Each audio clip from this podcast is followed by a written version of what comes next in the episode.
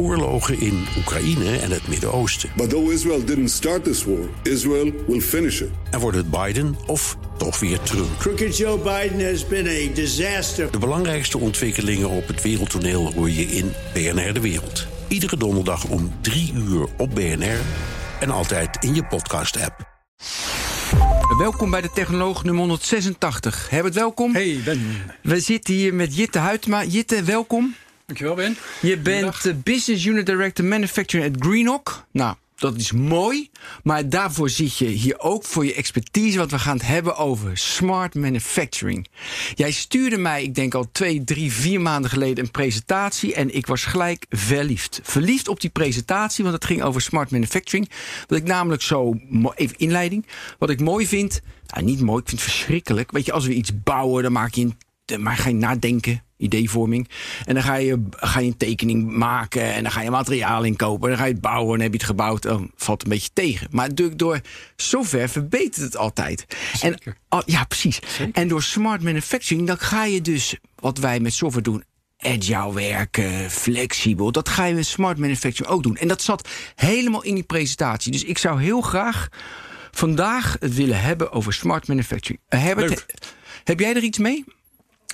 Nee, want ik weet nauwelijks wat het is. Ja, dat is toch gaaf? Nou, leg dan... Ik dacht, ik kom hier ondervangen en ik ga gewoon een hele discussie onmogelijk maken. ja, precies.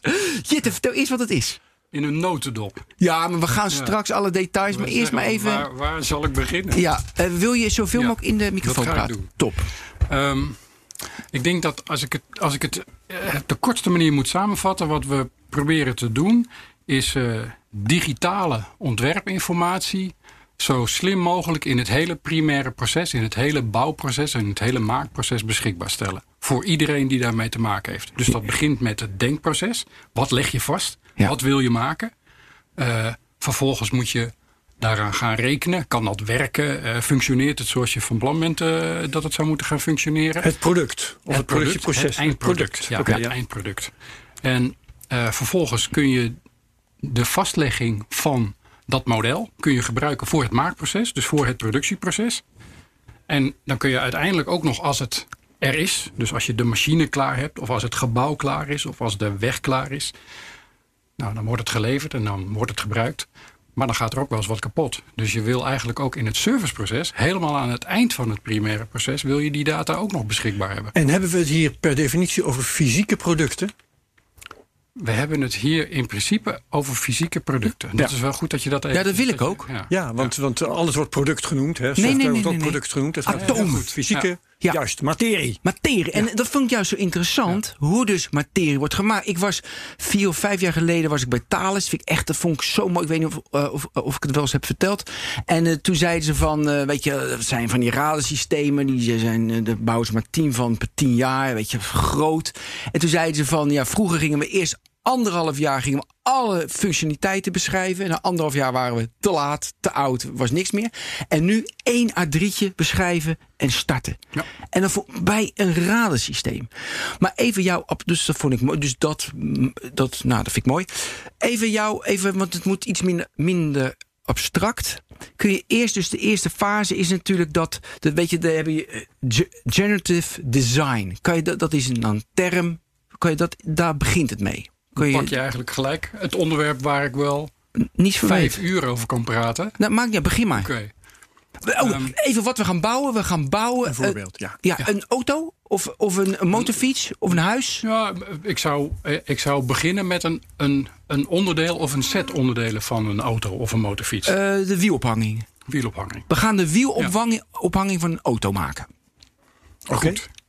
Wat je om generative design goed te kunnen uitleggen, om een beetje beeld te schetsen van wat dat doet, moet je eigenlijk een beetje terug in de tijd. Want wij gebruiken al 30, misschien wel 40 jaar al systemen om een product en onderdelen van een product vast te leggen. En dat deden we dus op een, op een computer bedoel ik dan. Hè? Dus we mhm. doen het al 500 jaar op papier. En, uh, uh, op een gegeven moment is dat op, uh, met de computer zijn we dat gaan doen. En eigenlijk kun je zeggen dat de afgelopen nou, de, de, eerste 25 jaar van, van het gebruik van die computer deden we dat eigenlijk relatief dom. Dat mag ik nu wel zeggen. Dat zeiden we natuurlijk 25 jaar geleden niet. Maar uh, We deden eigenlijk hetzelfde, alleen we deden het met de computer. Maar we hebben AutoCAD hebben dan, hè? Ja, met AutoCAD en, en dat soort producten. Dus 2D-tekensysteem. Ja. En eigenlijk deden we met die 2D-tekensystemen precies hetzelfde als wat we vroeger achter de tekenplank deden. Ja, ja. En wat het interessante nu, na generative design, de sprong even maken. Wat het interessante nu is, is dat we software tot onze beschikking hebben die ons helpt om varianten in dat denkproces eigenlijk te creëren. Dus als je praat over een wielophanging van een auto, dan kun je kun je misschien voorstellen dat je ongeveer de functie uh, begrijpt. Dat je ongeveer weet wat dat ding moet gaan doen. Dat je gaat vastleggen hoe die functie ongeveer uh, zou moeten werken. Wat, waar het aan moet voldoen. Dus dat teken ik in AutoCAD. Dat ik heb vroeger heb het in de jaren 80 van de vorige eeuw ooit nog op de HTS moeten spelen met AutoCAD. Waar? Ja, ja, voor mij is dit ook weer helemaal terug in de En dat tijd. was gewoon bovenaanzicht, zijaanzicht, Ja, ja, ja. vooraanzicht. En dan moest ik tekenen. dat. Ja, Ja. mooi. En, Ja. eh, maar dus ik teken grof dan die wielophanging. Ja, je maakt eigenlijk. Ik, ik zou niet zeggen dat je dat nog met AutoCAD moet doen, maar, zeg Nee, maar, maar- een 3D-ontwerpsysteem gebruik je ervoor.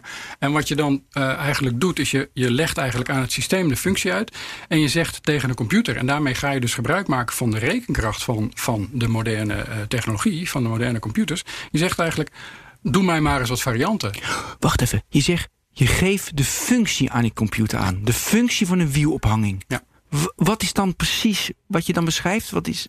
Je beschrijft eigenlijk eh, eh, samenhang en connectie naar de rest van, van, het, van de auto in dit geval. Maar ook de dan, hè. Dus, krachten eh, die erop spelen, moet je ook wel uitrekenen zelf? Precies, doet de daar computer moet, je, ook? daar moet je dus inderdaad restricties aan gaan aangeven. Moet het, een, moet, moet het weet ik veel, 5 ton kunnen halen of 500 kilo. Ja. Dus je, je, ge- je kunt je voorstellen dat je eigenlijk met parameters gaat spelen om die functie te beschrijven. En vervolgens zeg je tegen de computer, ga maar rekenen. En dan kun je je voorstellen dat, dat je een computer eh, een miljoen keer eh, sneller kunt laten rekenen dan de meest ervaren eh, engineer. Dus die heeft de komt dan binnen, binnen no time komt hij met, met 30.000 varianten. voorbeelden. Heeft de computer dan ook de vrijheid om bijvoorbeeld materialen te kiezen? Dat is een goede vraag. Ehm, ja, maar eigenlijk werkt het andersom. Dus je, je zegt eigenlijk tegen de computer: reken maar uit en ga er maar, ga maar, kom maar eens met voorbeelden. Nou, die komt dan met, in, in no time met heel veel verschillende voorbeelden. En dan kun je dus op basis van bijvoorbeeld eh, het productieproces, wil ik draaien en frezen, dus wil ik een subtractive. eh, wil, ik, wil ik met materiaal eraf halen of wil Ja. ik materiaal erbij stoppen? Ah, ja, 3D, 3D printen. printen. Ja, ja, ja. Ehm, welk materiaal wil ik gebruiken? Welk materiaal heb ik tot mijn beschikking? Eh, tot zelfs de esthetische kant van het verhaal. Want je kunt dus ook zeggen van nou, ik, eh eh, nou zo'n wielophanging zit volgens mij ergens eh Ja, niet zo blik, dus, eh, weet je, dus, dat, maar, maar je kunt je ook voorstellen dat er voorbeelden zijn van eh Ik zag een die in stoel. zicht zijn Ik zag een stoel. een stoel of misschien de, een, een frame van een fiets of een, een, iets wat in een auto zichtbaar is. Mhm. Nou, dan kun je op basis van esthetische component kun je de engineer eigenlijk zeggen van nou, laten zeggen van nou, ik wil het op die manier produceren. Ik heb die en die ma- machines tot mijn beschikking, dus de rest valt af. En ik vind eh, deze range vind ik mooi ook. Ja. Af. Maar even, ni- niet, even niet esthetiek, daar wil ik dan misschien zo op terugkomen. Je zegt eerst, hij maakt duizenden varianten van die wielophanging. Maar uiteindelijk is één wielophanging optimaal. Qua materiaal, gewicht, stijfheid, trekkracht enzovoort. Mm, Ja, maar het is niet altijd gezegd dat je die wil kiezen. Bijvoorbeeld omdat je beperkt bent in je productiefaciliteiten. Want je hebt niet Ja. alles tot je beschikking. En dat, dus op basis daarvan kun je keuze maken. Je zegt van nou, ik heb die en die machines, weet ik veel, drieassig, vijfassig, eh frezen. eh, ik kan 3D printen of ik kan het niet. En dan kan het optimale Maar dat je toch ook in? product kan misschien suboptimaal zijn qua fabrikage. Precies. Ja, en ehm, dus die computer rekent dat uit. Ehm, heeft die, wat voor input zit er allemaal in? Wat bedoel je? Ja, daar bedoel ik mee. Heeft hij dan heel veel. ehm, he- heeft hij heel veel voorbeelden van wielophanging? Nee, hij, hij, weet je, hij maakt hem opnieuw. Ja, eh, met heel veel, weet je, ik denk. maar dat is juist het mooie, hè? Met reinforcement learning, dat hij de hele tijd Ja. variaties verzint van wat, uit- wat uiteindelijk de uitkomst Ja. wordt. En het mooie is dat je. ehm, je maakt dus eigenlijk gebruik van een, van een artificial intelligent module. Ik weet niet helemaal of ik dat goed uitleg, maar die genereert eigenlijk voorbeelden zonder de restrictie die de engineer Ja. onherroepelijk wel heeft. Ja, en dan vind ik wel altijd het mooiste bij reinforcement learning de unintended consequences. Dat je iets eruit krijgt dat je denkt, nou, dit slaat echt helemaal nergens. Wat creatiever is dan wij.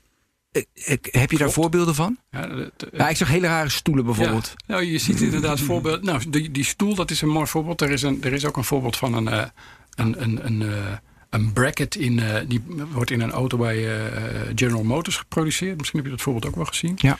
Um, wat je ziet is dat er, er, er, kunnen voorbeelden ontstaan waar je niks aan hebt. Maar er kunnen ook voorbeelden ontstaan waar, uh, waar bijvoorbeeld het productieproces gigantisch eigenlijk niet alleen maar uh, uh, in de productie, maar ook in de, in de logistiek, in het logistieke proces daar, wat daaraan vooraf gaat, mm -hmm. gigantische besparingen gegenereerd kunnen worden. Zoals ja. voorbeeld van die, van die, die, die bracket. Um, dat, was, dat is een, een, vind ik zelf prachtig. Heel simpel uit te leggen. Ze gebruikten voor uh, het vastmaken van de autogordel, mm -hmm. gebruiken ze een, een, een soort samengesteld assembly, een samengesteld onderdeel. Er zaten acht dingen in. Acht, weet ik veel, plaatjes Elementen, en ja, elementjes. En dat gaven ze aan, uh, aan generative design. Ga maar rekenen en kom maar, met, uh, kom maar met een alternatief. En dat hebben ze dus terug kunnen brengen tot een ding wat lichter is. Wat uit één onderdeel bestaat. En wat dus eigenlijk al die, ja, die, die, die logistieke toestanden eromheen eigenlijk ja. helemaal niet meer, waar dat helemaal niet meer van toepassing is. Ik heb een vraag. Want uh, ergens onderweg heb jij gezegd, uh, de computer komt met duizenden voorbeelden. Wat is de functie van die duizenden voorbeelden? Want uh, als mens ben je volgens mij niet in staat om even een selectie te maken uit duizenden voorbeelden. Ja, Wat moeten we met die duizenden voorbeelden? Ja. De, ik denk dat je de meeste daarvan elimineert op basis van de en wat ik net al zei, van, van keuzes die je van tevoren ook nog moet maken, wil je het kunnen maken. Hè? Dus uh, je hebt -hmm. een machinepark tot je beschikking. Iets is mooi of iets niet mooi. Je hebt materiaal tot je beschikking. Uh, kost speelt een rol. Hè? Misschien is het allersterkste ding wat je kunt maken. En het, het, het beste ding is misschien wel uh, Veel te duur. 500 keer duurder dan, ja. dan iets wat ook voldoet. Dus eigenlijk is het bedoeld om de engineer mogelijkheid te bieden om te kiezen uit verschillende varianten. Ja, maar je gaat ze niet één voor één bekijken. Nee, dus, dus dat doe je op basis van, uh, nou wat ik net zei, je, je zet dan vinkjes van, nou ik heb, uh, ik heb geen 3D printer. Nou dan vallen de eerste, oh, okay. nou, vallen de eerste ja, 27.400 ja, ja, vallen eraf. Ja. En, uh, en een, een wielophanging van pak een beetje 10.000 euro, dat doen we toch maar niet. Dus precies, gaat er weer een heel... Zou je het er ook van tevoren aan kunnen geven? Ja. Maar goed. Uh, Oké, okay, dan, hebben we, dan hebben we uiteindelijk te zeggen van nou, dit. Of heb je dan drie, vier uh, zeg maar, modellen? Nee, drie, vier designs heb je dan? Ja. En dan ga je ze, dat is de volgende fase, dat is de, dat is de maakfase. Ja. Nou, en dan was uh, nu, weet je, met 3D-printing, even snel een prototype maken. Kun je, ja. daar, kun je die fase beschrijven? Um, of heb je, wacht even, heb je over de generative design, je zegt vijf uur praten, we hebben er nu acht minuten over tien. Is dit voldoende of missen we iets fundamenteels? Nee, nee, nee, nee, nee, ja, maar goed. Maar wij hebben, de, wij hebben de kennis niet, dus jij nee. wel. Dus misschien missen we iets essentieels dat mensen luisteren en denken, ja, kom op gasten, dit, dit missen jullie. Nou, ik, ik wil nu al iets weten. um, want we hebben dan, uh, we hadden duizenden ontwerpen. We hebben er nou nog, uh, weet ik veel, vier, vijf over. Um, zitten daar ook uitvindingen bij? Dat je denkt van, jee, dat die computer dat ja, heeft bedacht. Ja, maar dat Daar wil ik vroeger ook. een Willy Wortel voor. Ik ken ze nog niet, maar dat, ik denk wel dat, de, dat dat de consequentie gaat zijn. Dat er, dat er voorbeelden komen van ontwerpen waarvan we denken... jeetje minder, daar was ik in geen, in geen Ja. 23 jaar nog opgekomen. En dan Dus, denk eh, je, ik ga toch maar patent aanvragen. Maar eh, op wiens naam komt dat patent dan? Dat is een goede vraag, geen idee. Nee. Ja. Geen Ja, idee. dat is een hulpmiddel, dus ik denk, ik denk dat het dan Is komt dat op basis degene die het. Nee, dat is, maar, maar goed, eh, die vragen die stel ik dan meteen maar vast. Is dat degene die de selectie heeft gemaakt van de voorbeelden? Is dat de software? Ja. Hè, gaat het patent op naam komen Ja, van van AutoCAD, AutoCAD. bij wijze van Ja. spreken?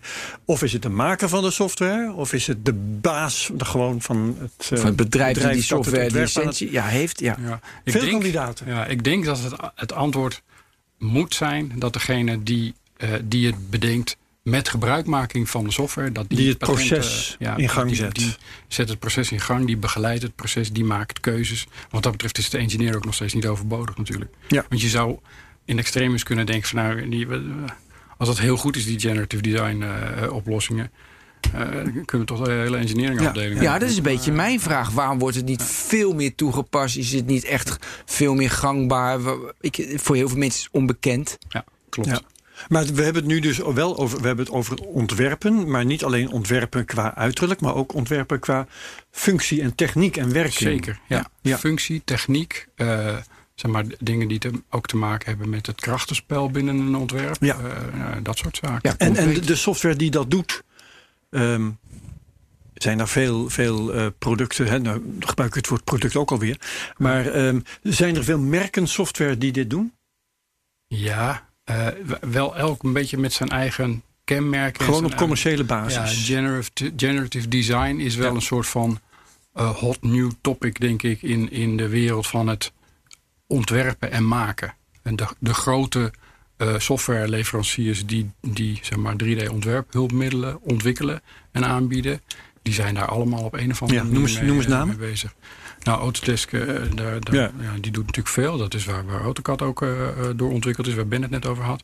Siemens is een grote partij. Ah, zo. Dassault, Dassault Systeem. eh, Dat is zo de Franse vliegtuigbouwer ook. ja, die hebben ja. ook een hele eigen 3D-ontwerp tak. En het zijn. Oké, nou, we gaan toch nog even door. Want die vijf uur gaan we niet vullen. Maar nee, maar we moeten even. Want nu kom ik ook. Je wilde net expres een onderdeel doen. Ja. Weet je wel? Maar dan ga ik een wielophanging en er komt een wiel aan te hangen. Nu ga ik dat wiel ontwerpen. Maar de combi wiel wielophanging. ah, Ja. ik kies twee verschillende dingen. Moet bij elkaar komen. Gaat compleet fout. Nou, waarom? Nee, ja, of goed. Nee, Nou, maar het is goed. niet gezegd inderdaad dat het beste wiel en de beste spannend maken, de beste combinatie op. Ik wil het spannend maken. Nee, maar daarom. Dus hoe eh, is dat ook weer? Rekent die rekent eh, Autodesk bijvoorbeeld dan ook weer uit van wat goed is? Gaat op dezelfde manier eigenlijk dat Dus je, je eh, combineert al die parameters combineert. Dat, dat is het eigenlijk. Ja. Ja. grappig. En als je dus uiteindelijk wiel, een wielophanging, en een stoel, een, stoel, een eh, gordel, nou, een hele Stoelophanging. Ja, Ja. stoelophanging. Alle, dus die hele auto, al die elementen hebben we dan ontworpen. Generative design, perfect. mode. Esthetiek hebben we meegenomen. Die auto zit in elkaar. Maar ja, dan, jij zegt dat gaat altijd goed. Maar ik kan me voorstellen dat dan toch esthetisch iets toch anders moet. Want dat past niet helemaal. Of is dat zo slim allemaal dat het niet in- gebeurt? Kijk, eh, in theorie past het. Want op het moment dat je je computer laat uitrekenen en je, je, je geeft aan wat de parameters zijn, die computer maakt geen fouten. Dus in, in theorie past het. Maar op het moment dat je daar inderdaad als mens invloed op zou willen uitoefenen, zeg van ja, dit, eh, weet ik veel, de, de motorkap, er zit een rare bult op. En, en dat kan misschien vanwege, weet ik veel, luchtweerstand kan het ontstaan zijn. Maar ik vind het niet mooi. Ja, dan zul je dus, en dan zul je dat moeten beïnvloeden. Ja. En Als dan, mens. en dan haal je dus die bult weg en dan rekent hij weer alles uit. Waardoor die wielophanging iets eh, minder stijf wordt. Maar dat kunnen we accepteren, want het is binnen de marge, dat soort dingen. Wat leuk is, want jij vroeg net van... heb je nou eh, een beetje de dingen geraakt over generative design... die je zou willen vertellen? We we hebben het nu heel erg over... Dat is, ik heb werktuigbouw gestudeerd, dus dat, dat ligt heel dicht bij mij. Maar generative design wordt nu ook al toegepast... In, bijvoorbeeld in de bouwkundige wereld. Dus je ziet dat we eh, ook in andere terreinen bezig zijn met... eh, we willen iets maken en we willen eh, functies gebruiken... die de computer eigenlijk heel snel voor ons kan gaan uitrekenen... zodat we ontwerpen optimaliseren. Dus je ziet dat het niet alleen maar van toepassing is op een... eh, Op een wielophanging, maar ook op een huis. Of zo, maar Nee, ook nee, op, nee. Een, eh, op een voetbalstadion of eh, nou, dat soort dingen. Maar dat hadden we expres gedaan. We hadden wielophanging om het concreet te maken. Maar we snappen dat is alles wat atomen heeft, alles wat we bouwen, is het van op, daar is het van Alles wat toepassing. niet groeit in moeder natuur is eigenlijk. Juist. Hè, Alles om je heen wat, wat niet groen is, dat maken we als mens. Ik denk, maar voor mij zag ik dat in de presentatie, maar ik weet niet of het waar is. Doe je het ook met film? Dus kan het ook met film? Of moeten we is, dit overslaan? Ja, we kunnen Ja, het over. een beetje, dat is, voor mij is dat een beetje glad ijs. Maar wat, wat, wat ik wel wat ik zie gebeuren is dat ehm, je, je creëert met computers ook nieuwe werelden. Ja, En dat zit natuurlijk in de gaming, dat zit Tuurlijk. in de filmindustrie. ja. Eh, en daar is software voor. En die software die is in eerste instantie begonnen, denk ik, als eh, om zeg maar mooie beelden te creëren. Je kunt fotorealistisch eh, Ja. prachtige dingen maken. Niet van echt te onderscheiden Ja. vaak. Ehm, dus die softwareontwikkelaars, en Autodesk is daar dan een voorbeeld van, die maakt ook software voor die filmindustrie. Ja. En de filmindustrie, dat moet ik er wel bij zeggen, helpt daar ook bij. Want dat zijn mensen die weten heel goed hoe iets, wat ze zouden willen. En hebben daar software voor nodig om Mhm. wilde dingen te creëren. Weet ik veel, eh, Avatar is al een oud voorbeeld. Maar eh, da- daar gebeuren hele waanzinnige dingen die je eigenlijk als mens bijna niet, niet kunt bedenken en, en al helemaal niet kunt maken. Dus daar heb je computers voor nodig om dat op een of andere manier uh, te fabriceren. En uh, ja, daar maken ze dan software voor om dat, uh, ja, maar dat, in beeld te brengen. Dat ik wel gezien, weet je, uh, dus van een paar foto's dan maak je een kasteelwereld, dat je ja. natuurlijk ook in films ziet.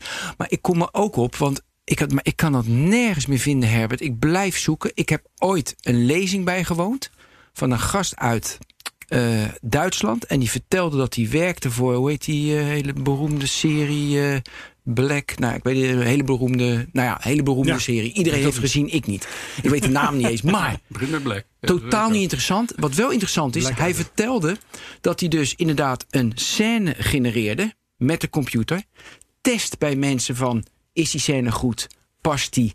Weet je, brengt hij de emotie over die hij wil dat die scène overbrengt. AB testen, AB test, ja, we passen hem aan. Met de computer passen we hem aan. En dan is die scène goed, pakken we de volgende scène. En zo plakte hij die serie aan elkaar, waardoor, die, waardoor ze kunnen voorspellen...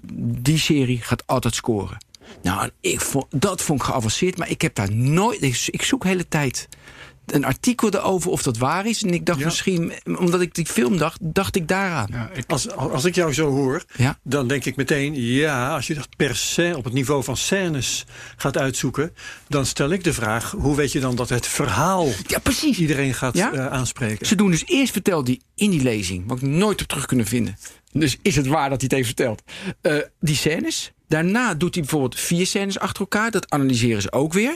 En daarna hebben ze natuurlijk, als die film klaar is, gaan ze weer met hem in, dat ook in een bioscoop zitten. En dan ook weer van, ja, nee, is het okay, lekker dan, of niet? Daar ga ik met je mee, ja. Er zit wel een parallel, hè? In wat, jij, in wat je nu vertelt zit wel een parallel met het eerste stukje wat we net hadden. Zie ik totaal niet.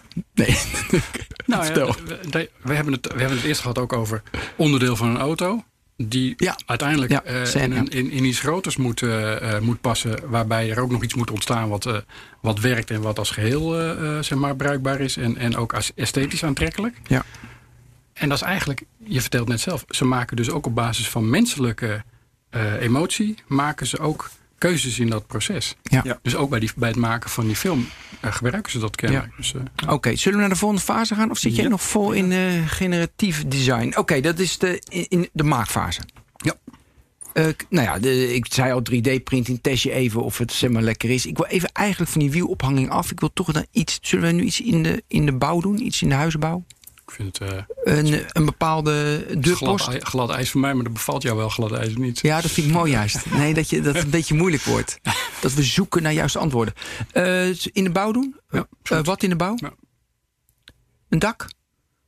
Nou, een, doe, doe, maar een heel huis. Een heel huis. We gaan een heel huis maken. We hebben het ideale huis hebben we gedesigned, dus getest met storm, wind, regen, zonnepanelen, elektrisch, al, alles klopt. Ja. En dan steen voor steen bouwen? Nee. Wat voor model maak je? Hoe ziet dat eruit? Kijk, wat je ziet is dat er uh, ook in die bouwwereld zitten natuurlijk allerlei spelers die zitten in verschillende fasen van innovatie. Hè? Dus als je kijkt naar uh, wat voor technologie heb je tot je beschikking om zoiets te, te ontwerpen en te maken, dan kun je praten over uh, hoe configureer ik het van tevoren, zodat ik het eenduidig vastleg en dat alle spelers in dat bouwproces daar ook weet van hebben. Dus dat ze allemaal snappen wat ze moeten maken. Daar gaat het vaak fout. En hoe produceer ik het vervolgens? Wat je ziet is bijvoorbeeld 3D-printen is in, in die bouwwereld uh, stormachtige terrein aan het winnen. Mhm. Dat, dus, waar we vroeger dachten, als je praat over het maakproces in relatie tot 3D-printen, dat dat heel erg in de prototypinghoek zat. Hè? Je kunt snel eventjes kijken hoe het eruit ziet en, snel even testen zie je dat het nu juist ook in, in, in de eindfase van zo'n van zo'n bouwproces ook al toegepast kan worden. Dus er zit uh, is een enorme revolutie. Ja, die, en eigenlijk staan we nog maar aan het begin, denk ik, uh, van, van die ja, revolutie. in Eindhoven, dat is natuurlijk ook PR, dat snap ik ook wel, staan die huizen die ze 3D geprint ja. hebben. Mm. En elementen van huizen zie ik ook altijd van die filmpjes waarbij ja. dat netjes wordt geprint. Wat het mooie is, denk ik, is dat je als je praat over het maakproces. Ik heb net een huis gekocht, dus ik ben net verhuisd. En dan, uh, ik heb zelf ervaren wat de, uh, wat de keerzijde is van dingen in een, uh, in een proces digitaal vastleggen en op slot zetten. Want je kunt je voorstellen dat je ergens nog een keer, uh, weet ik veel, een stopcontact of een leiding anders wil. Mm -hmm. En als je dat eh, in extremis doorvoert, dan is, gaat er ergens natuurlijk een moment komen dat dat niet meer kan. En vroeger zei je dan, uh, joh, Nu vrezen we even en- en doe nog eens even. Ja. Maar tegenwoordig eh, gaat dat gewoon op slot. En zeggen ze, ja, dat, eh, je mag er pas weer in op het moment dat het helemaal klaar is. Dus dat, dat vind ik Ja. wel belangrijk om te zeggen. Hè? Want ik ben zelf ook heel erg geneigd om... eh, ik doe dat al meer dan 30 jaar. Ik ben, ik ben helemaal hotel de boter van innovatie en technologie. En hoe helpt dat ons? En dat promote ik ook heel erg. Maar als je als klant, in dit geval dan een koper van een huis... geconfronteerd wordt met dat sommige dingen ook ge- geblokkeerd raken...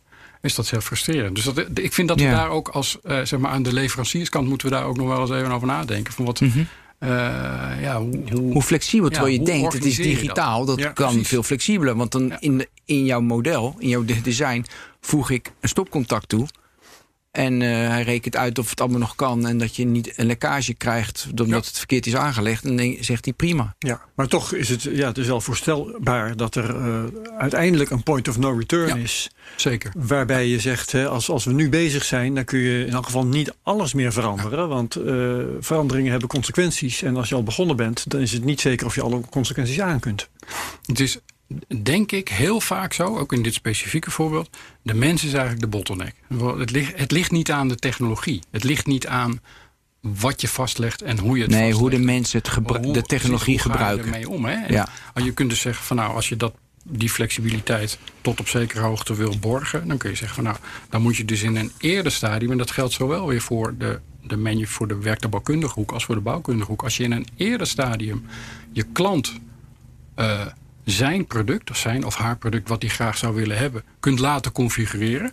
Dus je, je kunt je voorstellen dat je zegt van nou, ik, eh, je wil een huis kopen. Nou, de contouren van het huis is ooit een keertje door een architect eh, bepaald. En je vindt het een mooi huis. Dus je weet ongeveer hoe het eruit komt, moet komen te zien. Maar je mag nog spelen met, eh, weet ik veel, waar de badkamer mag komen. En de keuken. En, en waar je dan precies de douche wil hebben. En waar alle stopcontacten moeten komen. Je kunt je voorstellen dat je binnen dat kader wat je dan schetst. De eindklant, dus de uiteindelijke gebruiker van dat product. Dan gaat het er eigenlijk niet om of het nou een huis is of een machine dat je die kunt laten configureren. En die op een gegeven moment ook akkoord kunt laten geven. Van, nou, nu weet ik het zeker, nu is het goed. En nou mag het op slot en ga maar, ga maar maken. En dan heb je dus ook op dat moment eigenlijk meteen ook vastgelegd... de rest van dat, eh, van dat maakproces. Ja. Ik Is vind het abstract? Nou ja, in dat, nou, ik heb meer een opmerking. In dat maakproces is. Kijk, dat, designproces zie ik van wow, dat is echt de laatste twintig jaar echt veranderd. Maar de maakproces, dat komt er aan, 3D-printing. Maar ja, dat is natuurlijk nog echt heel klein. Ja. Modulair. Nee? Oké, hoeveel procent van een nieuwe woonwijk, want we hadden het over wonen, Ja, ja. wordt dan met een 3D-printer? Nou, ik zie niemand op een vrachtwagen 3D-printer installeren. We gaan een muurtje bouwen. Gewoon metselen. Nee, het zijn vaak platen tegenwoordig natuurlijk. hè. ja, zeker wel. Dus daar moet ik, dus zeg maar, Daar heb je modul- gelijk in. Ja. Als, je, als je kijkt naar het aandeel in, zeg maar, in het bouwen in het maakproces... is dat relatief klein. Dat klopt. Ja. Ja, en dan, eh, dus zeg maar modulair, dat is dan anders en nieuw. Want we metselen niet meer van. Dus, dus dat is makkelijk. Dat is natuurlijk fijn dat we daarin denken. Mis ik dan nog iets? Ik denk wel in het maken. Dat is natuurlijk niet met een huis, maar wel met een auto of met een wielophanging. Met een robot die Ja. het maakt, waardoor het sneller, Ja. effectiever, beter gaat. Toch? Ja, wat je, eh, eh, robots eh, helpen steeds meer als het gaat om. Eh, is, het, is het misschien gevaarlijk werk of is het repetitief werk of is het zwaar werk? Eh, Zijn er meerdere handelingen die je kunt combineren waar je anders misschien drie of vier mensen eh, op een rijtje dingen moet laten doen? Nou, dan kan eh één of meerdere robots kunnen dat combineren. Ja, Dus dus je, je kunt er heel veel Dat zijn de 4D's hè, van, van een robot Danger en Dev. Nou, 4D's hebben ze dat. ze dat ja, ik ook Ja. niet. Maar ik heb zo. Ik dacht, oh ja, deze, maar ik wil die rijtjes altijd vergeten. Eh, nee, maar goed, ik snap, dan doet de robot het. En ik moest ineens denken, een straat leggen, weet je, ook met een robot. Dat een, Ja. weet je, dus ook weer zwaar werk. Eh, en dan doen ze het ook. Maar het is niet echt heel. Dat maken, Herbert, dat zit in zo'n smart manufacturing niet. Moeten we dan naar de volgende fase? Want die wordt wel leuk. Want dan ga je natuurlijk naar IoT, data verzamelen. Dan ga je naar. Mag, mag ik nog even eentje er tussendoor gooien? Ja. Eh, want we hadden het net over, eh, ja, je, er is een point of no return. Hè? Je moet niet eh, de hele tijd dingen willen veranderen. Ehm, we hadden het ook eh, gehad over het toepassen op, op films, wat alweer wat abstracter is en, en niet materieel. Klopt. En toen moest ik opeens denken, hé, hey, onderweg dingen veranderen, dan uh, springt bij mij meteen in mijn hoofd uh, het fenomeen uh, IT-projecten. Ja. Bij de overheid, denk ik dan stiekem er nog even, waarbij voortdurend tijdens het productieproces aan het ontwerp gesleuteld wordt. Ja. ja. En dan denk, in hoeverre is deze methode toch van toepassing of toepasbaar op dat soort processen? Ik denk, Ga ik nou te ver? Nee, ik, ik denk als je kijkt naar methodologie en naar, naar het proces, denk ik dat het één op één vergelijkbaar is. Ja, dat denk Dus ik zelf ook ja. wel. Ja, Ja. Ik denk dat je daar gelijk in hebt. Inclusief de beperkingen dus. En inclusief de beperkingen. Ja. ja. Ja. Nou ja, dat wil ik even weten. Misschien Ja. dat we nog, nog wat aan hebben onderweg eh, straks. ja. Ja. Oké. Jij wel verder. IoT en zo. Eh, dus je kan over design kan je natuurlijk vijf uur praten. Over het maakproces korter, denk ik. Hè? Hebben we iets essentieels gemist? Dat is een Nee. te lang denken, dus we hebben niets essentieels gemist. Dan gaan we naar het, eh, de, de, de, de laatste fase, dat is de gebruiksfase. En, Dat, ja? en dan krijg je wat nu in smart manufacturing is, dan krijg je data terug van het gebruik. En dat stop je weer in het designproces. Waardoor je een cirkel hebt die rond is en steeds beter wordt en mooier wordt. Feedback. Bij een gebouw dat 30, 40 jaar staat, heb ik al van hoe, hoe ga je het aanpassen? Maar goed, als het modulair is of een muurtje weg, 3D-printen erbij kan. In elk geval bij het volgende project. Bij het volgende project, daar leer je van. Dus ook Ja. in, je leert van het gebruik. Klopt. Eh, eh, wat wil je? Wil je een huis? Wil je een, een auto? Liever geen auto, die is te makkelijk. Een huis vind ik namelijk wel moeilijk. Ja, weet je, je hebt je, zon, je, hebt je zonnepanelen. Een fiets is ook moeilijk. Ja, die Van Mo fiets die dan eh, connected is. Ja. Maar dat is ook klein. Eh, wat wil je Nou, pakken? je- Een brug. Nou, dat is misschien wel een leuk. We hebben een keer een brug hebben we toch ook een keer gehad. eh, in heel veel technologen geleden. Met, een- met een smart bridge. Ja, dat hebben Ik keer weet wel dat je de complete. Ik ik heb, ik heb een compleet boek over bruggen. Eh, dat, is, dat is smullen. Over hoeveel, op hoeveel manieren je wel niet een brug kan ontwerpen. Puur hè, een ding dat eh, je naar de overkant helpt. Ja. maar Echt waanzinnige hangbrug, boogbrug. Verzin het maar. alle bruggen verzinnen. Zoveel manieren Maar goed. Maar oké. Eigenlijk is een brug ook iets te makkelijk. Want je hebt tegenwoordig, Ja, denk statisch. ik, statisch. Je hebt sensoren erin. Zo vaak eroverheen gereden. Ja. Zo zwaar. Toch? Ja. Dus doe toch maar dat huis, want dat is moeilijker. Doe maar kantoorgebouw, is net iets anders. Oh. En je hebt natuurlijk smart offices. En die, die zijn al iets verder. Dus die is misschien leuker. ja, ja. We, eh, op de Zuidas hebben we een mooi gebouw. Nee, we hebben op de Zuidas hebben we hele mooie kantoorpanden. En eh, het is nu hartstikke warm. En het wordt heet. Hoe smart is dat? En hoe gaat die feedback loop dus terug naar de bouwer? Dat is interessant. In, die, in die hele keten van zo'n gebouw. Het zou hier ook wel mogen. Je mag hier wel wat sensoren ophangen. Ja, nou, Maar dit terzijde. Nee, maar zo'n Ja. beelding. Ehm, ik denk dat je. eh, twee, twee dingen kun je volgens mij onderscheiden. Dat zijn net ook al. Wat, wat doe je op het moment dat je het weet eh, in het bestaande pand? Dus dat, dat leidt tot misschien nieuwe metingen. Sensoren die eh, halen dingen uit informatie uit gebruik. En op basis daarvan kun je ingrijpen op het gebruik. Ehm, terwijl het er staat. Ook weer of het nou een gebouw is of een machine doet er niet toe. Maar in, de- in het geval van een gebouw kun je zeggen van nou, er functioneert iets niet goed of er dreigt iets niet goed te gaan functioneren. Ben je dit in de praktijk tegengekomen? Ja, daar zijn wel voorbeelden van. Eh, ja, oké. Wil je dat, dus de- wil je dat het geven, alstublieft? Nou, je kunt je, voor- je kunt je voorstellen dat er bijvoorbeeld een, eh, een, een airconditioning eh, installatie eh, niet is altijd gemopper op airconditioning Oh, zo, nou. installaties. Dus Ja. Eh, nou, kun je meten. Je kunt, eh, je kunt flow meten, je kunt temperatuur meten, je kunt bijstellen. eh. Ja, nee, maar dat snap ik. Maar kijk, als de airco het niet doet, dan ga als die al connected is. Maar oké, ik heb, ik, ik heb een connected. nu over innovatie en waar het naartoe zou kunnen gaan. Ook. Maar dan gaat het naar de instal- installateur of de, de service, het servicebedrijf die die airco installeert. Maar niet dat het klimaatsysteem in het gebouw bij het designproces, want daar begonnen we, niet klopt. helemaal correct is. Nee, en, en dat is inderdaad, dat was eigenlijk het tweede deel wat ik wilde toelichten. Op het moment dat je het in gebruik eh, aanpast, is het oké. hè? Dan, dat is ter plekke eigenlijk eh, eh, improviseren en ingrijpen op wat er staat. Maar wat je moet doen, is die informatie ook gebruiken op het moment dat je weet waar het, eh, waar het door komt. Dat je de root cause eigenlijk eh, tot je beschikking hebt. Dan kun je terug naar de basis in het bouwproces en dat voor andere gevallen voorkomen of bijsturen. En dat heb je gezien in de praktijk. Dat Bijsturen, dat, eh, dat staat in de kinderschoenen, denk ik. Want de hele, toepassing van IoT is een beetje hetzelfde. Natuurlijk, het neemt een enorme vlucht. Maar daar, daar is nog heel veel te winnen.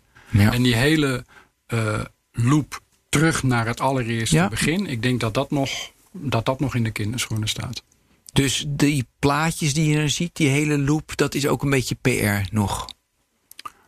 Ja, ik ben, het is een concept. ben altijd voorzichtig om daar dan van te, te, te denken dat het PR is en dat het, dat het daarmee niet toepasbaar is. Ik denk dat technologie, en dat zeg ik misschien hetzelfde wat ik net ook al zei, technologie is er al. En uh, de, de acceptatie van die technologie en de mate waarin mensen in staat zijn om uh, dat toe te passen. verder te kijken. Hè? Van, goh, stel nou toch eens dat we dat uh, over drie, vier, vijf jaar tot onze beschikking zouden hebben. Wat scheelt dat dan in termen van weet ik veel, kostenbesparingen, materiaalbesparing.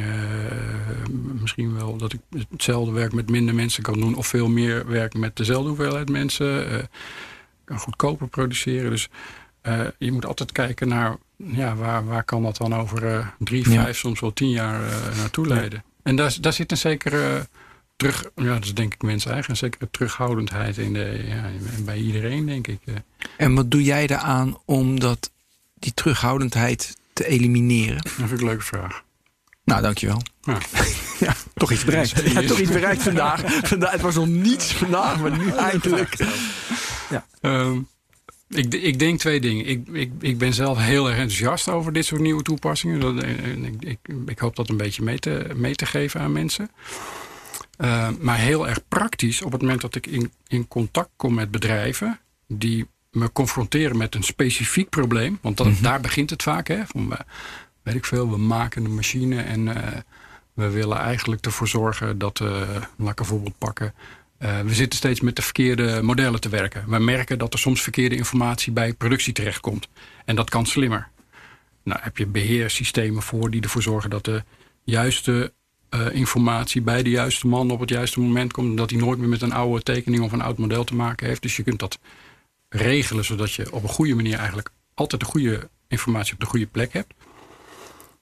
Maar dat is, dat is maar één stukje van het verbeteren van een totaalproces. En wat we tegenwoordig steeds meer proberen te doen, één stap terug. We komen eigenlijk van engineering optimalisatie. Dat is eigenlijk de kern van de organisatie waar, waar ik voor werk. Vroeger gingen we tekenkamers automatiseren. En nu zie je dat door alles waar we het nu over hebben, hè, je legt het digitaal vast. En dat betekent dat je uh, op engineering dingen doet die bruikbaar zijn in het salesproces, die bruikbaar zijn in het productieproces, die bruikbaar zijn in werkvoorbereiding, die bruikbaar zijn in service en onderhoud. Dus op het moment dat ik bij een bedrijf kom en zeg van, zij vragen mij van, goh, wij willen dit elementje pakken, kun je dat voor ons oplossen? Dan is het antwoord eigenlijk bijna altijd ja, dat kunnen we Maar geef ze een heel concreet voorbeeld. Met wat voor vraag komen ze dan? Nou, bijvoorbeeld dat beheren. Ik, eh, al die uh, productiemannen die zitten hier altijd met... Uh, dat is een beetje overdreven natuurlijk... maar die zitten hier altijd met de verkeerde tekening. En, en ik heb... maar die maken een wielophanging waar we het over hadden. precies. En dan wordt het verkeerd gemaakt... omdat ze met een oude revisie bijvoorbeeld van een, van een model werken. Dat gebeurt in de praktijk dagelijks. Er is sprake van veel ja, dingen die er misgaan in zo'n proces. Dus dan zeg ik, Oké, dat kun je beheersbaar maken. Je kunt ervoor zorgen dat je met ondersteund door software... dat je die digitale informatie op een goede manier beschikbaar stelt... aan de persoon die het nodig heeft op het juiste moment. Maar wat ga je dan doen? Jij vroeg mij, hoe ja, zorg je er nou voor... Dat, was de vraag, hè? Precies, ja, daar kom ik op terug. Ja. Die rode draad die heb ik al vast.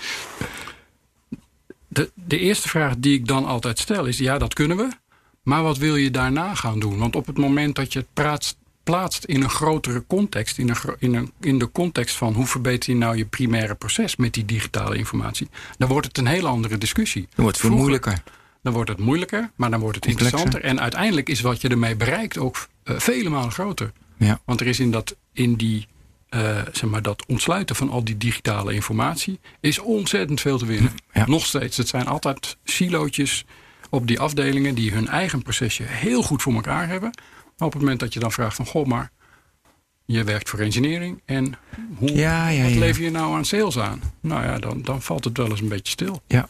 Dus ze doen het allemaal op hun eigen eilandje, doen ze het hartstikke goed. Ja, en, en, en levert dat, dat soort um, uh, confrontaties, levert dat ook weerstanden op bij Zeker. die silootjes? Zeker, ja. Dus de, dus, eh, dat, dat, wat je ziet is dat mensen in eerste instantie geneigd zijn. En zeker als je met, een, met iemand praat die verantwoordelijk is voor een deelproces. Die zijn geneigd om te verdedigen. En terecht denk ik ook. Want ze hebben er heel goed over nagedacht. Dat zijn allemaal slimme mensen. Dat moet je ze ook altijd nageven. Dat, daar worden geen domme dingen gedaan over het algemeen. Maar op het, juist nu is het zo interessant omdat je gaat praten over... Oké, dan heb je je eigen ding voor elkaar. En wat betekent jouw eigen ding dan voor andere delen in dat proces? Ja. En dat maakt het super interessant. En dat maakt het ook juist nu, denk ik, uh, belangrijk voor organisaties om over die afdelingen heen te gaan kijken. En dat hebben we jarenlang niet gedaan. Dat is eigenlijk iets pas van de ja, maar dan, jaren. Dat, dat, bedoel, dat, dat is ook, bedoel, dat is niet alleen denk ik in, uh, in smart manufacturing wereld, maar dat is ook gewoon in de softwarebouwwereld. Als, het, ja. als een proces complex is en alomvattend, ja, dan heb je altijd silo's, want mensen kunnen niet zoveel mensen aan. Dus Ja, dat is ja. eigenlijk niet zo uniek voor jouw wereld, maar jij komt het tegen. Eh, iedere dag. Ja. Ja, Ik, ik wil even naar naar iets anders. Dat is, ehm, weet je, je had het net over optimaliseren van processen, optimaliseren. Kom je ook tegen dat dat optimaliseren niet meer lukt of te ver is doorgevoerd? En daar bedoel ik mee, vaak is, weet je, iets kan ook te optimaal zijn. Dan gaat het, nee, dat kan, hè, want dan gaat het ten koste van security. Bijvoorbeeld Zoom kan je zo op zonder login. En, Ja. dan, en dan heb je Oh, geen. goed voorbeeld. Ja, en dan heb je geen security. Ja. Dus en, en kom je dat ook tegen? Of zit jij nog in die fase Ja. van dat, dat dat nog helemaal niet aan de hand is? Nee, ik, eh, ik moet eerlijk zeggen, eh, eh, te optimaal ben, ben ik in mijn wereldje Nee. niet vaak tegen. Wat, wat, ik, wat ik wel zie is dat bedrijven best ver zijn. En ja, dan moet je ze feliciteren. Dan moet je zeggen, nou, hartstikke goed. Ik zie nog wel dingetjes die, eh, die anders kunnen. Maar eh met zijn minderheid. Dat zijn, dat zijn, Ja, want jouw wereld is vrij conservatief als ik het. Ja. Ja. Ja. En doe, Dus- je, doe, je, en doe je daar nog iets bijzonders aan dan alleen maar informeren dat ze, en inspireren dat ze dat niet moeten doen? Of heb je daar nog speciale trucken voor? Nou, trucken weet ik niet. Je, je Of probeert methodes. mensen te helpen met voorbeelden die bij andere zeggen, bedrijven succesvol Resultaten zijn. laten En, zien, dat is precies wat ik wou zeggen. Ja. Ja. Dat Dus ligt de- eigenlijk voor de hand. je probeert eh, eh, klanten mee te krijgen die eh, ook een verhaal erover kunnen vertellen. Ehm, er zijn aansprekende voorbeelden, niet alleen maar in Nederland, maar wereldwijd.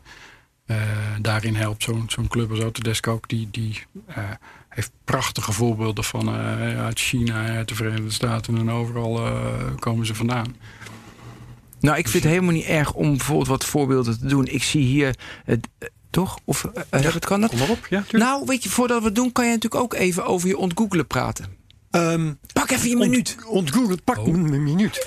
Ja, Ja, eh, het is nou, even een onderbreking, maar het is heel belangrijk voor de onderbreken technologie. deze uitzending.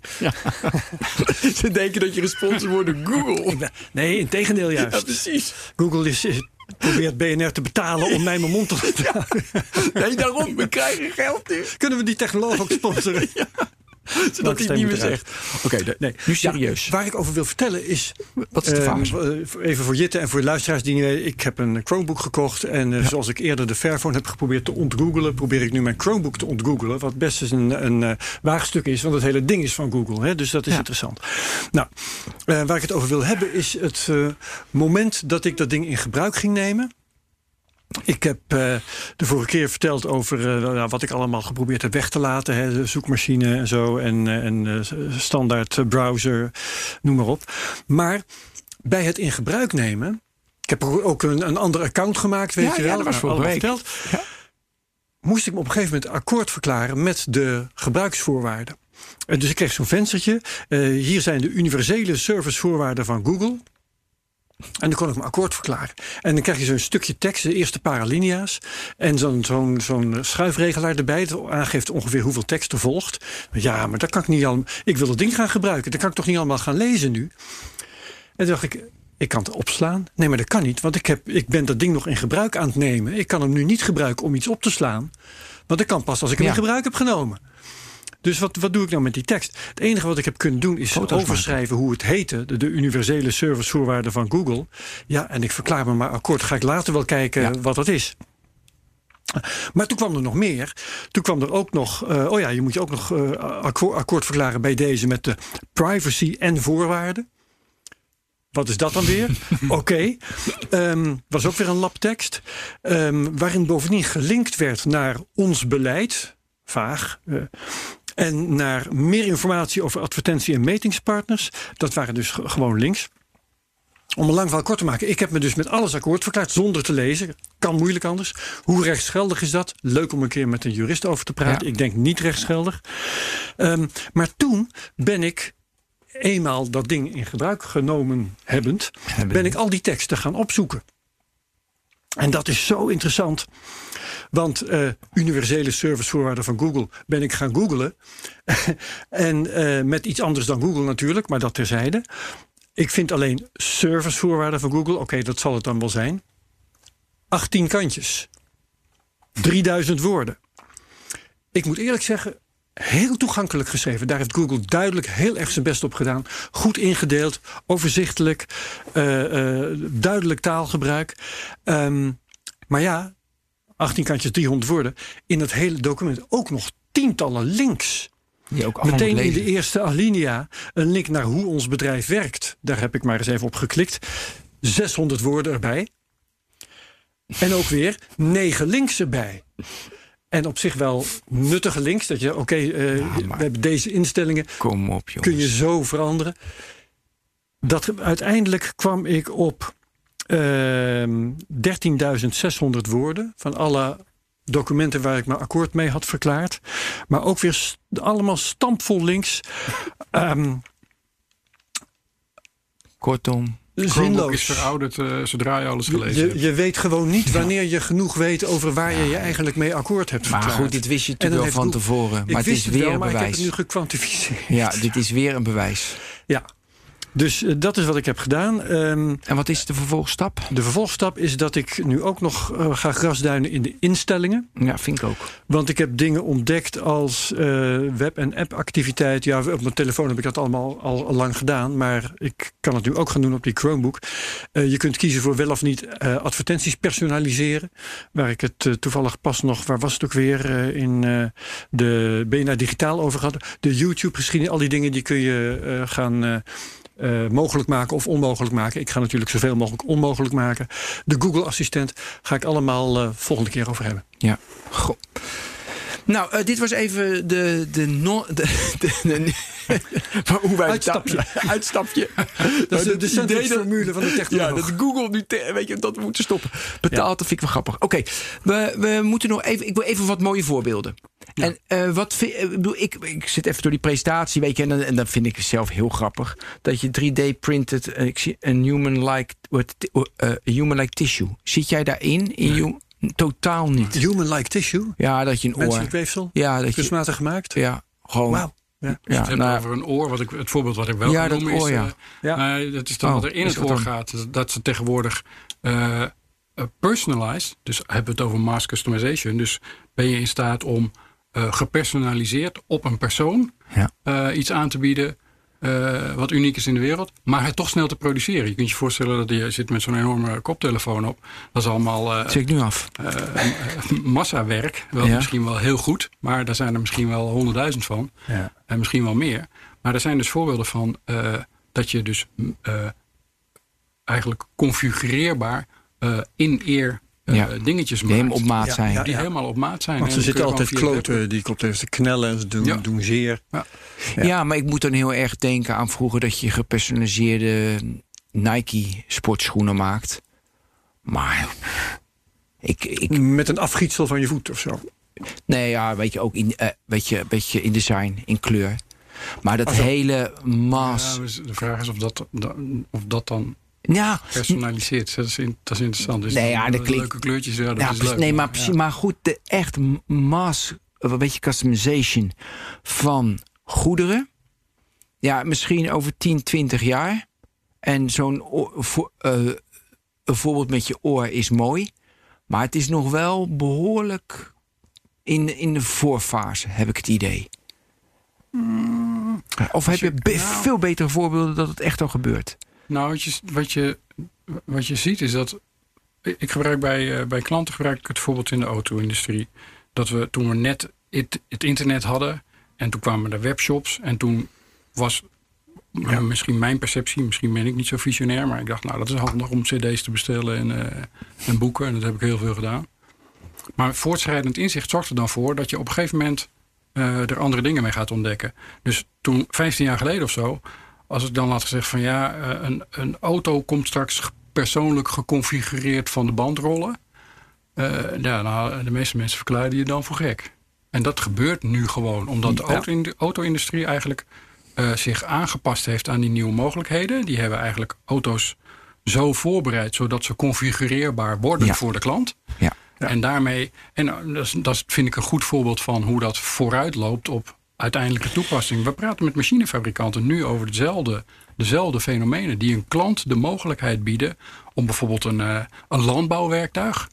een klant wil, een boer wil een landbouwwerktuig kopen. En hij heeft, uh, weet ik veel, uh, kleigrond en hij doet mais. Je kunt je voorstellen dat dat invloed heeft op, op de, de spullen die hij ja, moet kopen ja. daarvoor. Ja. Nou, en vroeger moesten daar dan mensen uh, die verstand hadden van die machines... die kwamen dan met een koffertje met brochures langs... en dan namen ze hem nog een keertje mee naar een andere boer... en zeiden, nou, zo werkt het ongeveer en wil je zoiets hebben? En dan zei hij, ja, dat wil ik wel, maar... Hij moet een halve meter breder en hij moet niet geel zijn, maar rood. Ja. En ik wil een, radio in de cockpit. Ja. En tegenwoordig kun je dat configureren. Ja. Dus je kunt de, aan de mens overlaten. Wat wil je hebben? Weer gebaseerd op de functie die die uiteindelijk nodig heeft. Exact. Dus als jij je Porsche bestelt, dan kan je echt 10.000 variaties hebben op Ja. een Porsche. Want dat willen Porsche-rijders. Maar als je je Tesla bestelt, dan heb je vijf kleuren. Ja. Long range en performance. That's it. Hoe verklaar je dat dan?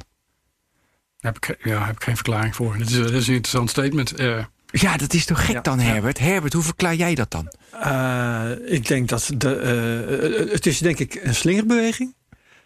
De ene keer, hè, in de ene fase uh, gaat iedereen voor uh, oh, hoe, zoveel mogelijk features en uh, zoveel mogelijk keuzes. Dat is geweldig. Ja. En dan opeens staat er een Steve Jobs op die zegt: Ik maak een iPhone, hier is één iPhone en dat Ja. is het.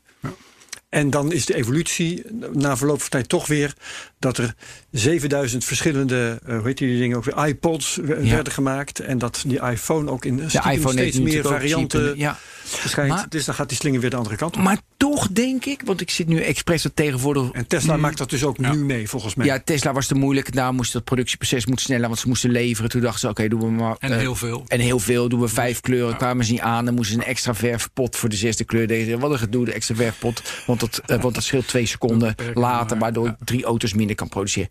Snappen we allemaal. Maar toch over dat personaliseren, dat is natuurlijk gewoon je timeline. Weet je, alles. Ik bedoel, het is makkelijker omdat het digitaal is. En ook omdat je die atomen kan aanpassen. Want je krijgt feedback, is dat ook.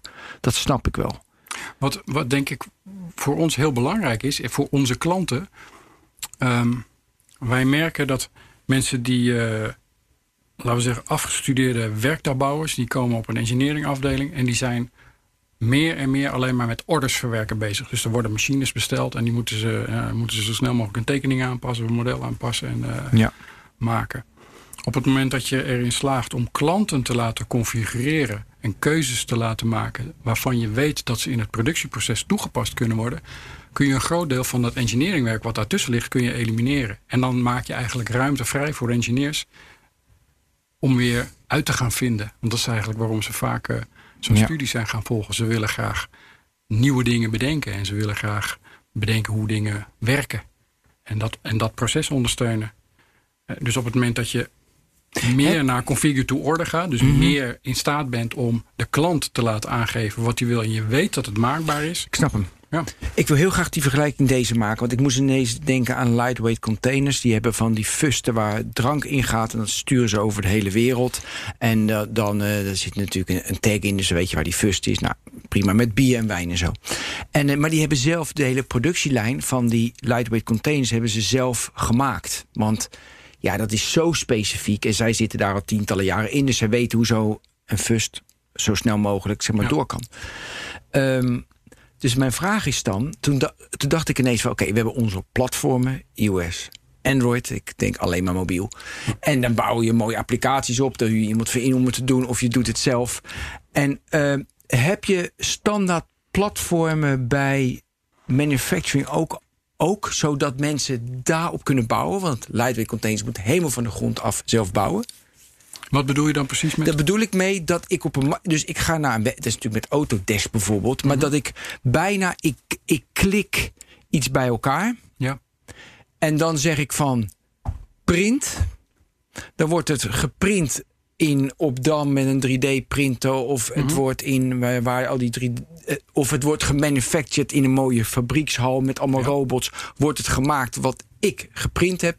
En DHL die komt de volgende dag met een vrachtwagen. Voor mij niet DHL, maar wel. Die komt in mijn, eh, die komt in mijn fabriekshal. Daar staat het. Dat proces.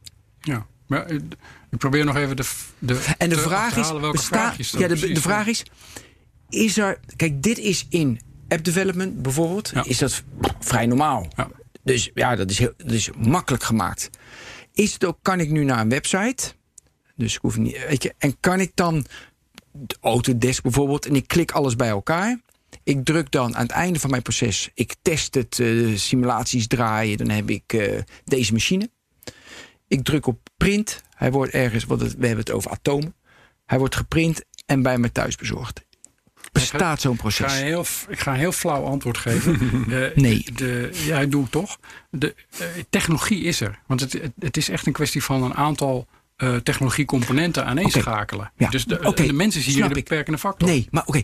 Wat zijn dan de dominante platformen? Zo, Google, Apple, Android, iOS. Ja. Weet je? Dan, dan, als we het hier over hebben, dan gaan er dominante platformen op het gebied van smart manufacturing ontstaan. Ja, nou die naam heb ik net al genoemd. Oké, dus die namen zijn dominant. Siemens, eh, en is, ja, mooi. En is dat net zo'n strijd als je ziet in de bijvoorbeeld mobiele wereld, in de softwarewereld? Of is Ja. het minder groots, minder heftig? Nee, het komt. Is er consolidatie? Kopen ze elkaar? Ja, er is, er is, eh, eh, ik denk dat een groot deel van de consolidatie wel, wel klaar is. Eh, het is haasje over, zeg ik altijd. Dus ze kijken naar elkaar en wat zijn ze aan het doen en welke functie kan ik ook op een of andere manier slim inbouwen. De gebruiker dicteert, dus de gebruiker vertelt echt van dit heb ik nodig en dit moet er gebeuren. En dan maakt één dat en dan, dan zie je het korte of langere tijd later, zie je het in die andere platforms, zie je het ook terugkomen. Ja. Ehm, er, zi- er zijn minder spelers dan, eh, dan 20, 30 jaar geleden. Dat, eh, er is heel veel consolidatie geweest. Ehm, en wat je ziet is dat ze ook verbreden. Dus waar, eh, wat je bij Autodesk heel duidelijk ziet, wat ik straks zei. Het is, het is een toe. tekenpakket geweest. En nu is het, Ja. het is een compleet portfolio voor het hele primaire proces. Dat is, dat is waar het om draait. Zo, dus mooi hè, dat je dus dominant... Kijk, bouwen is heel erg decentraal. Bouwen, je hebt die plaatselijke architect, die plaatselijke aannemer. En straks krijg je dus gewoon ook... Zou Europa dat niet moeten doen? Maar je, krijgt dus grote bedrijven die dat dus die keten helemaal gaan beheersen. Dat vergeet ik nog te vertellen. Dat wil ik nog wel even zeggen. Als je praat over de bouwwereld, hè, dat Mhm. is niet. Je hebt niet een bouwwereld en een werktuigbouwkundige wereld. Kijk maar om je heen. We- Wij zitten in een gebouw, maar daar zitten allemaal, als ik het zo mag noemen, werktuigbouwkundige dingetjes in. Ja. En de integratie van die twee werelden, die is super complex. Dus daar, er zitten allemaal mensen in zo'n gebouw. Die, de een die doet, eh Ja. zeg ik het heel simpel, de een maakt muren en, eh, en de ander eh, die, die maakt de airco of de, de, de lichtinstallatie of de deurkrukken. En dat moet uiteindelijk allemaal op het goede moment bij elkaar komen in zo'n bouwproces, in zo'n keten. Ja, maar dat, dat, de belang- dat, heb, dat, heb je, dat heb je duidelijk gemaakt. Alleen Herbert en ik reageer, nou ik dan in ieder geval, reageer daar, ik acteer daar niet zo op. Want ik vind het altijd van, ja, weet je, de menselijke factor is de beperkende factor. Ja, dan moet je de technologie zo maken dat mensen hebben van, wow, ik ga het direct gebruiken. Want dan kan ik nu heel makkelijk iets bij elkaar klikken. En eh, ik kan op print drukken en ik heb mijn nieuwe auto komt voorrijden. Dat vind ik best wel grappig. Ja. Weet je, dus ik, je, het is, oh, en, hoe, en hoe zorg je dat developers eh, op jouw platform mee kunnen ontwikkelen? Hoe gesloten is Ja. bijvoorbeeld Autodesk? En hoe kan je zelf Maar dat is- applicaties dat is erop interessant bouwen? Dat je hier nu op ingaat, dat is heel interessant. Want Autodesk is juist heel erg bezig om dat eh, via de cloud ook echt ook totaal open te maken. Ja, hebben de ze een- bedrijven zelf hun eigen toepassing Ja, en hebben kunnen ze en creëren bovenop developers, eh, weet je, community die ze stimuleren. Hoe open source is het? Ik denk dat die wereld, daar vond ik het onderwerp ook vind ik het onderwerp interessant, kan leren van de softwarewereld hoe we, hoe we dat dat opbouwen. Maar en die softwarewereld is nieuwer, hè? We hebben het een paar keer gehad al over het, eh, de- dat, dat de, mensen terughoudend zijn in die bouw- en, en in die manufacturingwereld. Die software, weer, volgens mij is dat een belangrijke factor. Ja, het dat zijn allemaal jong- ja. jongere mensen. Ja. En de mensen die de, de grote bedrijven de leiden, bouw. dat zijn allemaal eh Ja, die, 50 oh, die, de- eh, die grijze, dat is ook, ja, wij zijn ook allemaal 50 Ja, plus hier in, eh, in de studio. Maar goed. Eh Herbert, een leuk onderwerp. heb jij nog dingen? Ik, wat, wat ik leuk vind om, om nog even te berden te brengen. eh, ik maak ook de podcast Space Cowboys, zoals je weet.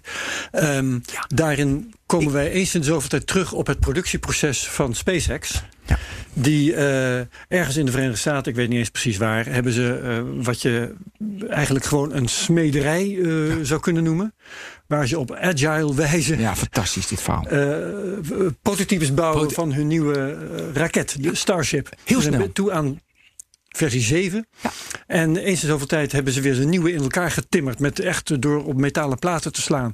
In elkaar, en die brengen ze dan onder druk. En meestal ontploft die dan. En ik denk, oké, dus nu ging dat fout. Nummer 8. En eh, dan gaan ze gewoon met een beter plan gaan ze de volgende bouwen. En eh dit heeft heel weinig te maken met wat we hier hebben verteld. behalve dat het Rapid prototyping, ik, ik vind hem, ik, Ja. dit is wel. Het is- Versnellen die loop maken. Het, ja, het is alleen een eh, grotendeels niet digitaal proces. Er zitten ongetwijfeld ook digitale componenten. Ze rekenen er echt wel uit hoor. Maar ik vind het zo leuk het dat het inderdaad, dat, dat itereren, Ja. dat dat daar ook in zit. Ja. En dat het tegelijkertijd helemaal aan het front van de technologie plaatsvindt. Ja. Dus eh, nou ja, dat wou ik gewoon heel- dat vind ik noemen. een Hele mooie afsluiting. Dankjewel Herbert Blankenstein. Dankjewel Jit Huytema. Dit was Technoloog nummer 186. Iedereen bedankt. Zo. En, en tot de volgende Technoloog. Bye. Tot ziens.